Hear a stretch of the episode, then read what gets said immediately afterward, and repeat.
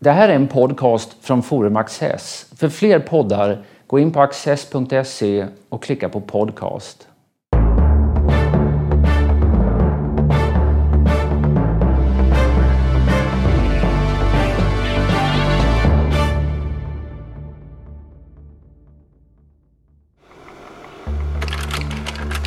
Fredrika Bremer gjorde sig ett namn med en svärm romaner under 1830 och 40-talet. Men hennes främsta insatser tillhör slutfasen av hennes liv. Då gav hon sig ut på långvariga, vidsträckta och strapatsrika resor. Till den nya världen, Förenta Staterna. Och i den gamla världen, Palestina och de områden som hade utgjort det forna Hellas. Hennes reseskildringar är vidunderliga i sin pregnans och reflektionskonst.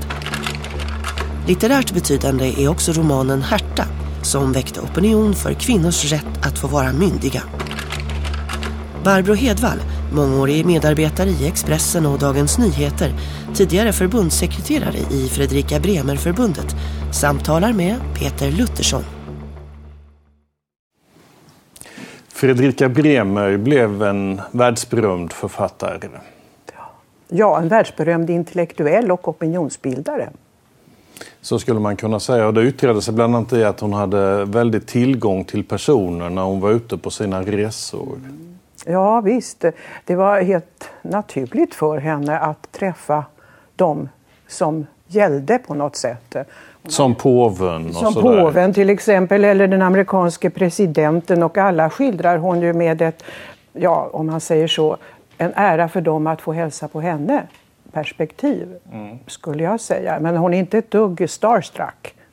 Nej, inte så, utan som en självklarhet. Och dessutom som en självklarhet att hon blir beledsagad av framstående personer vart hon än kommer. Att hon träffar andra berömda intellektuella. När hon är i Amerika så är det en självklarhet att hon har tillgång till Emerson och Hawthorne och Longfellow. Den enda hon misslyckades med var ju Kierkegaard Jo, i Köpenhamn. där. det finns ju personer som kanske själva drar sig undan Ja, från alla möjliga Ja, sammanhang. Ja men, men, ja, men det skriver hon ju själv om. Menar, det kan ju ha funnits många andra. Men att hon tog kontakt ett par, två gånger tror jag. Men, men han svarade utomordentligt avsnoppande. Men kan du inte karaktärisera något av de där mötena som verkligen blev av? Jo, det med påven gillar jag ju mest. För att där har hon, mycket, hon har ju humor alltid. Som journalist har hon mycket humor.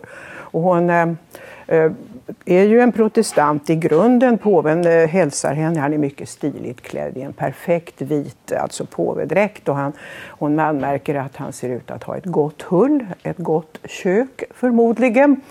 Och så han frågar, ja, ni är ju då författare Inna och så här, ja, familjeromaner, jo det är hon ju. Och så utspinner sig då ett litet samtal egentligen om protestantismen kontra katolska kyrkan. Och eh, hon fortsätter ju sin lilla odyssé där genom en så kallad reträtt i ett kloster i Rom. Och slutsatsen är att hon kommer från detta möte med katolicismen mer protestantisk än någonsin.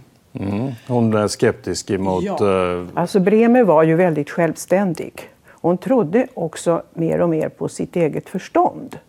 Och det är en stor tillgång.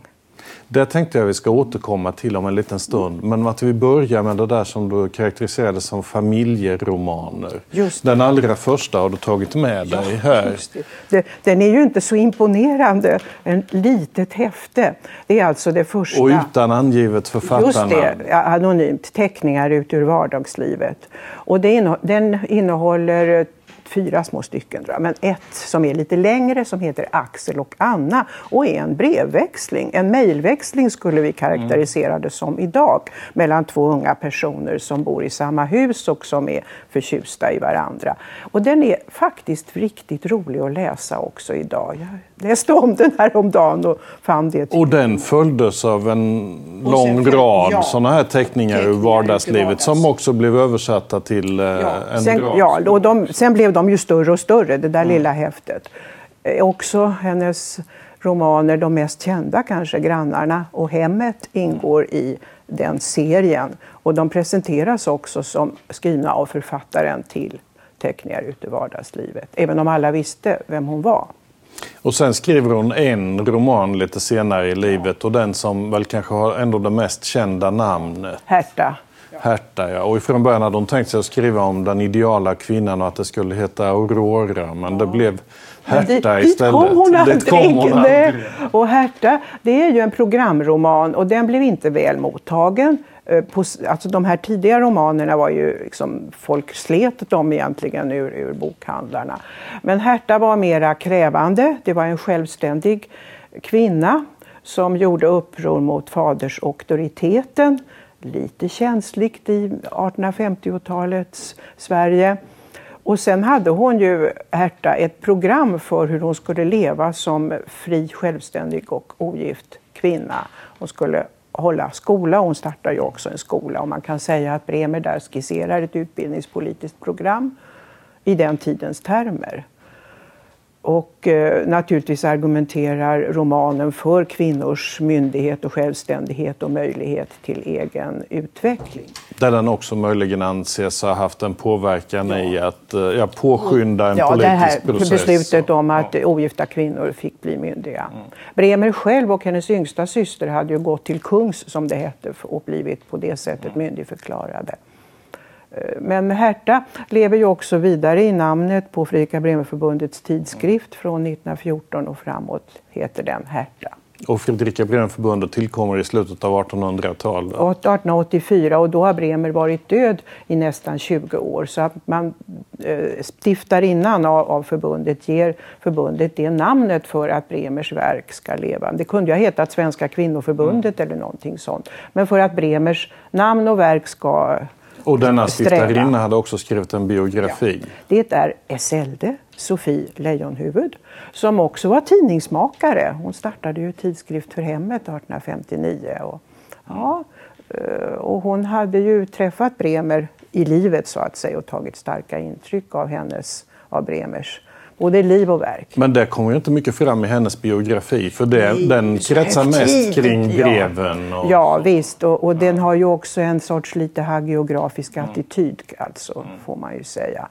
Uh, först nu i vår tid har vi fått en riktigt modern biografi av Karina Burman över, över Fredrika Bremer. Ja som kom ut till 200-årsminnet av hennes födelse.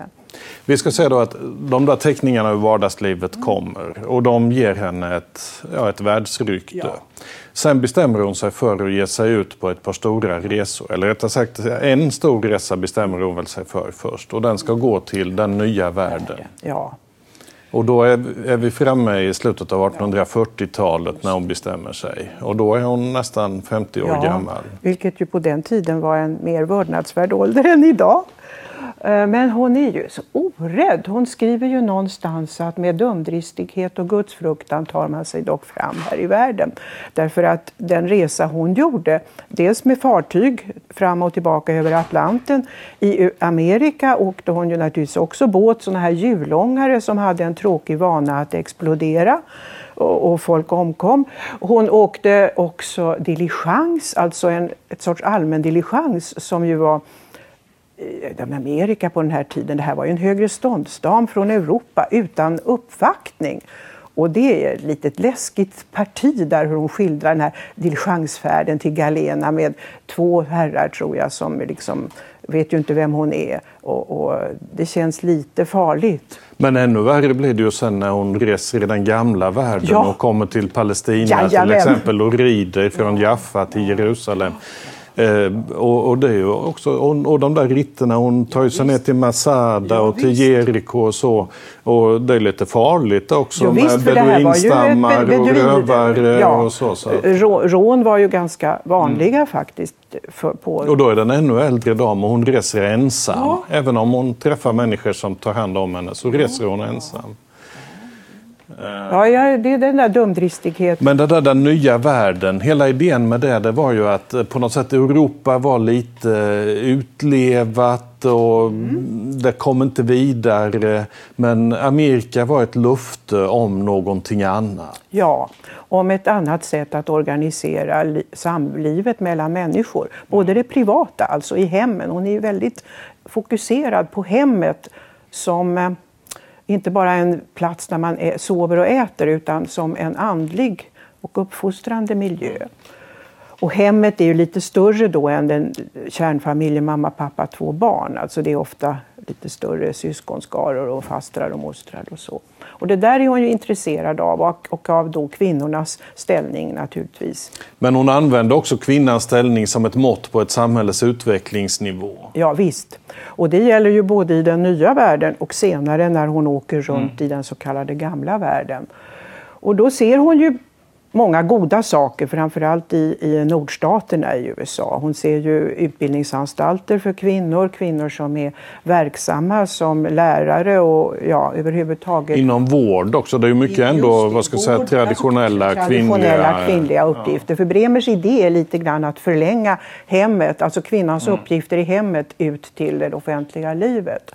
Men det har, det har att göra med hennes tanken att kvinnan är mänsklighetens moder ja. och har en roll vad gäller hur mänskligheten ja. blir. Hon är ju på det sättet särartsfeminist i grunden. Alltså hon ser att kvinnor och män har, är olika och har olika uppgifter, mm. såväl i hemmet som utanför hemmet. Men jag vet när hon kommer till gamla världen så en av iakttagelserna hon gör där det är ju den här med barnäktenskap. Ja, och så säger hon att barnäktenskap är värdelösa av flera skäl. Men bland annat därför att dessa mycket unga flickor utan någon som helst livserfarenhet ska uppfostra ett kommande släkte och det blir varken bra pojkar eller flickor av det. Nej, just det. Och det är ju egentligen samma argumentation vi för idag när det gäller utveckling att kvinnorna är nyckeln till utveckling i många länder. Ge kvinnor utbildning och det förmerar sig i nästa generation. Den iakttagelsen var ju mycket skarp som hon gjorde. För att man kan säga att på ett plan så det hon har fokus på det är egentligen inte kvinnans tillgång på privilegier utan på kvinnans rätt att få bidra. Mm, att få utveckla sin fulla potential skulle jag också kunna säga. Och vilket är bra, inte bara för kvinnan utan hon motiverar det hela tiden med att det är bra för samhället. Ja, för, både för det lilla samhället, hemmet och det stora samhället. Och eh, jag menar, hon är naturligtvis en ganska utopisk tänkare. Hon är naturligtvis inte heller främmande för att en framtid så kan kvinnor tänkas vara verksamma eh, var som helst. Var som helst ja. ja. och även i det politiska livet. Mm. Men det är ju en uh, framtid som ligger långt fram om hennes levnad. Ja. Men, men uh, i USA så ser hon ju ändå det är, väl, det är väl så att säga det. Hon tycker inte kanske att det har kommit så långt som hon hade tänkt sig. Men kvinnan är ändå mycket mer delaktig ja. i samhällslivet ja, än vad hon, hon är i Ja, hon är mer synlig och mer fri. Ty, tycker jag ändå den slutsatsen är. Det är klart att Bremer är inte så förtjust i sydstaterna där kvinnorna lever ett mycket mera eh, bortskämt liv. Mm. Det gillar hon ju inte. Man ska ju inte bara ägna sig åt sin toalett och ha det bra och vara uppvaktad utan man ska faktiskt göra något vettigt i hemmet. Det är samma tanke som kommer igen när hon sen reser österut. Ja, visst. Ja. ja, och där är hon ju då mycket eh, kritisk mot... Eh, hon träffar ju faktiskt eh, på harem i Palestina. Hon besöker flera Ja, hon besöker och, och hon för konversationer, då med tolk förstås, med de kvinnorna och hon blir ju mycket nedbruten egentligen av att märka hur, hur trång deras världsbild är, hur lite de vet. Mm. Hon försöker fråga om deras trosföreställningar och föreställningar om ja, tillvaron och livet och sånt där och det blir alldeles blankt. Mm. Däremot är de mycket intresserade av sitt yttre och de är mycket pråligt klädda och de är intresserade av henne som då har en sån där svart eh, sidenklänning av europeiskt snitt. Och, och de fingrar också på hennes korsett som de tycker är ja, lite hårt. Men sen, sen ähm, hon träffar i, i Amerika, som vi nämnde, Amerikas Torild Emerson ja. till exempel. Mm. Och det här med tillgången till ett samvete som du var inne mm. på. Det, där utgör ju han lite stimulans för han tänker ju ändå att det finns någon slags sedlig instinkt ja. nedlagd i människan. Och det blir på något sätt en utgångspunkt som hon sen, mm. som hon sen eh, vad ska jag säga, förädlar under en lång ja. resa. Men, men Visst, och det är ju en... hennes livsresa är ju verkligen lång. Första gången hon reagerar är ju när hon hör Johan Olof Wallin predika om kvinnans underdånighet. Och då, skriver, då är hon kanske 20 eller 18 eller 19, det är så, skriver en, en artikel som aldrig blir publicerad. Men den här idén att man ska trycka på människan fasta sanningar, trosföreställningar. Det är det som hon opponerar mot. Och därför blir ju kontakten med Emerson viktig, för det, det styrker någonting som hon har känt. Hon är väldigt religiös. Ja, och det... Ja, människor var ju det. Hon levde i en annan Men hon är tid. väldigt religiös. Ja, det är väldigt viktigt för henne att hitta fram till en religiös sanning. Och det där är svårt för oss sentida att förstå. Där är det, ju, hon, det, det gör ju att hon intresserar sig för samfund. I USA är det kväkare Mm. och de här, vad heter de, unitarister. Att man smälter samman de olika kristna eh, riktningarna. Men sen när hon börjar nästa resa så gör hon ju det. Och då är vi i mitten på 1850-talet. När Herta kommer ut Mm. så är, har hon precis givit sig iväg och då reser hon till Schweiz. Ja, och fria, fria protestantiska församlingar. Alltså de har ju en protestantisk grund med fria församlingar. Det vi här kallar frikyrklighet. Ja, ja. Och eh, i, i föreställningen att där ska så att säga, lösningen finnas. Eh, Men hon blir ju också där besviken. Riktigt vad det är, jag tror att det är den trånga miljön. Hon vill egentligen aldrig inordna sig i ett kollektiv. Nej, och framförallt inte en dogmatik, Nej. tror jag. För Där andra säger så här- Med, med implanterad sedlighet, det, blir ju, det utvecklar ju till den här tanken på det förnuftiga samvetet. Någonting som människan har Fått av Gud. va? fått av Gud, fått av Gud, men har full tillgång till. Och det är det som gäller. Inte en massa regler eller Nej, normer det. eller bestämmelser eller hierarkier och så. Utan hon litar på det som finns inom henne själv. Ja, ja det är en mycket en- bra beskrivning.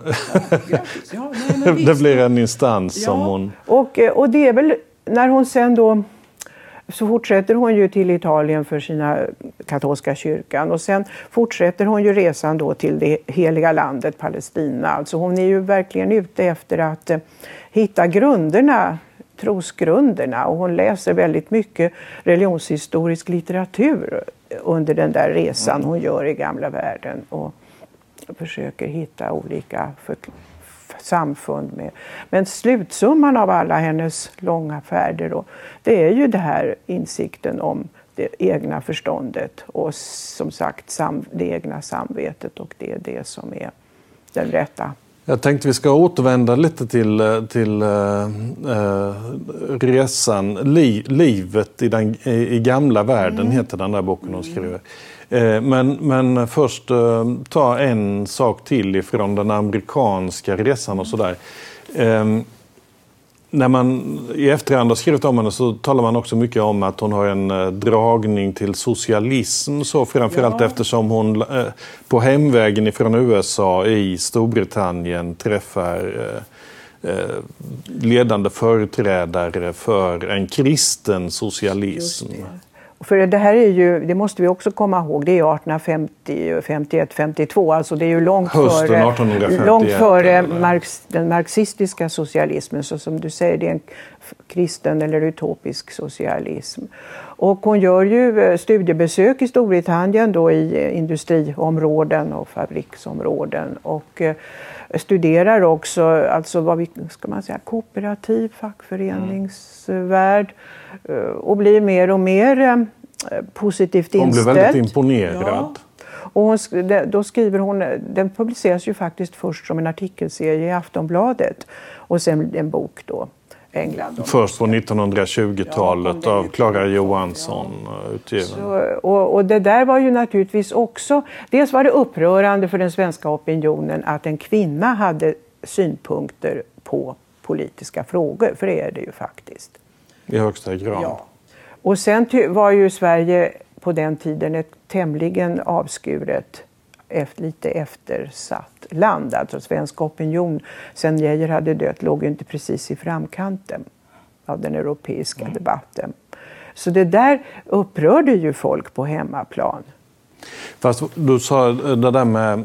Hon tar, hon tar ju explicit avstånd ifrån eh, det som hon kallar den röda fanan med Ja. dess anförande av Ja. blod och örlig och annat Ja. elände. Utan det är ju en väldigt fridsam kristen socialism. Mm. Väldigt grundad på praktisk verksamhet. För att redan i Amerika hade hon besökt i New Jersey något... Eh, eh, Falanxtären, Ja, tänker just ja. ja. Och Och, där- och, det hade hon ju läst om i förväg och det var ju så nytt och så spännande och så här. Och det är ju kollektivt organiserat. Och, och hon får ju också en liten uppgift där i falanxtären att om det är något med deg tror jag. ja, jag kommer inte ihåg om Ja, visste. är ju någonting sånt där. Och hon, ganska snabbt så inser hon ju att det här är liksom inte livet för henne. Nej. Ja, hon, hon skriver där i något brev att jag skulle hellre leva på vatten och bröd i en än- backstuga än- i Sverige. Att, ja, än att eh, sitta här, eller här, ingå i en falanxtär. Så, och, och, nej, ju... Men när hon passerar Storbritannien så, så ser hon en annan kvinna som hon kommer att beundra ganska mycket. Drottningen. Ja, märkligt nog. Först har hon ju fått för sig att drottningen är en slösaktig typ som lägger ut mycket pengar på stallar och hundar. Ja, och det kommer ju igen ett par gånger. där. ett drag i den brittiska monarkins historia. Och, och sen, men sen så får hon ju då tillfälle, hon träffar aldrig, hon träffar aldrig drottning Victoria och samtalar med henne. Men hon ser, men hon ser henne till häst. Ja, och hon får också ett intryck av hennes ställning i det engelska samhället och blir då mycket förtjust. Hon, eh, drottningen utstrålar ödmjukhet, eh, vad jag vad, vad Bremer i alla fall uppfattar. Och, och hon tar gott, mycket positiv ställning till då drottninggemålen, alltså prins Alberts verksamhet. Hon besöker ju den där stora världsutställningen som Albert hade satt ja, igång. Det som verkligen kallades eh, The Great Exhibition ja. ja, 1851 i Kristallpalatset. Palatset och så. Ja, så hon, Dit världens folk, alltså denna drottning på en ö, hade samlat världens folk för att de skulle komma dit och visa upp hur de hade förvaltat sitt pund. Mm. Hennes eh, världsbild är ju väldigt, vad ska vi säga, ja, det är civilisationstrappa hela tiden och man har kommit olika långt i den. Och vad hon, klar, typisk 1800-talsföreställning. typisk 1800-talsföreställning. Och hon är väldigt positivt inställd till det brittiska imperiet som en modell över hur en en mänsklighet som blir ett stort hem Ja, eh, skulle det. kunna ja, se ut. Hur så att säga eh, det bästa då i, i den västerländska civilisationen sprids ut och att människor från andra världsdelar infogas i, i eh, en gemenskap. Det är alldeles riktigt. Och stiger till samma Och nivå och blir jämlika. Ja, och, jag menar, och det var ju också så att Storbritannien... Den här- Modellen är inte vit överhöghet utan att Nej, alla kommer på det, samma nivå. Ja, det, det är så att säga en samhällsmodell som är, är idén. Om den sen är vit, grön eller gul, det är en annan Mm. sak. Och eh, det, nej, och det är klart, Storbritannien vid den här tiden var ju också det samhälle som rörde sig mest och förändrades mest och var ekonomiskt starkast. Om du jämför med det Frankrike, post, det postrevolutionära Frankrike, det har ju inte hämtat sig ännu. Nej, och de- den jämförelsen gör hon ju Ja, också visst. och gör exakt på det sättet. Men hon gillade överhuvudtaget det där med blandning. Det är ju också någonting när hon kommer till Palestina så slås hon ju av hur många olika folk eh, det finns här. Här finns eh, araber och judar, här finns greker och kopter Mm. och abessinier och ryssar och armenier och allt i en salig röra. Ja, och alla är hon nyfiken på. Och alla är hon nyfiken på. Och sen tillbringar hon ju då faktiskt två år i Grekland som ju på den tiden då var ganska nysjälvständigt. Och eh, det behärskas ju av tyskar på den tiden. Alltså kungen och det styrande skiktet och, och, och var ju ty från Tyskland i olika. Och hon har ju också då, det är egentligen en tysk pastorsfamilj tror jag som lockar henne från början att stanna kvar där så länge. Och sen har hon väldigt angenämt och är ju självklart eh, en stjärna för, för det här lilla nya hovet eller den nya administrationen. Och, och det är lite... Men när hon besöker Turkiet har hon också, där spelar hon ut kan man säga den grekiska kulturen i kustlandet emot den turkiska kulturen i, i, i Konstantinopel och inlandet. Så. Och hon är ju väldigt negativ till det turkiska Ja.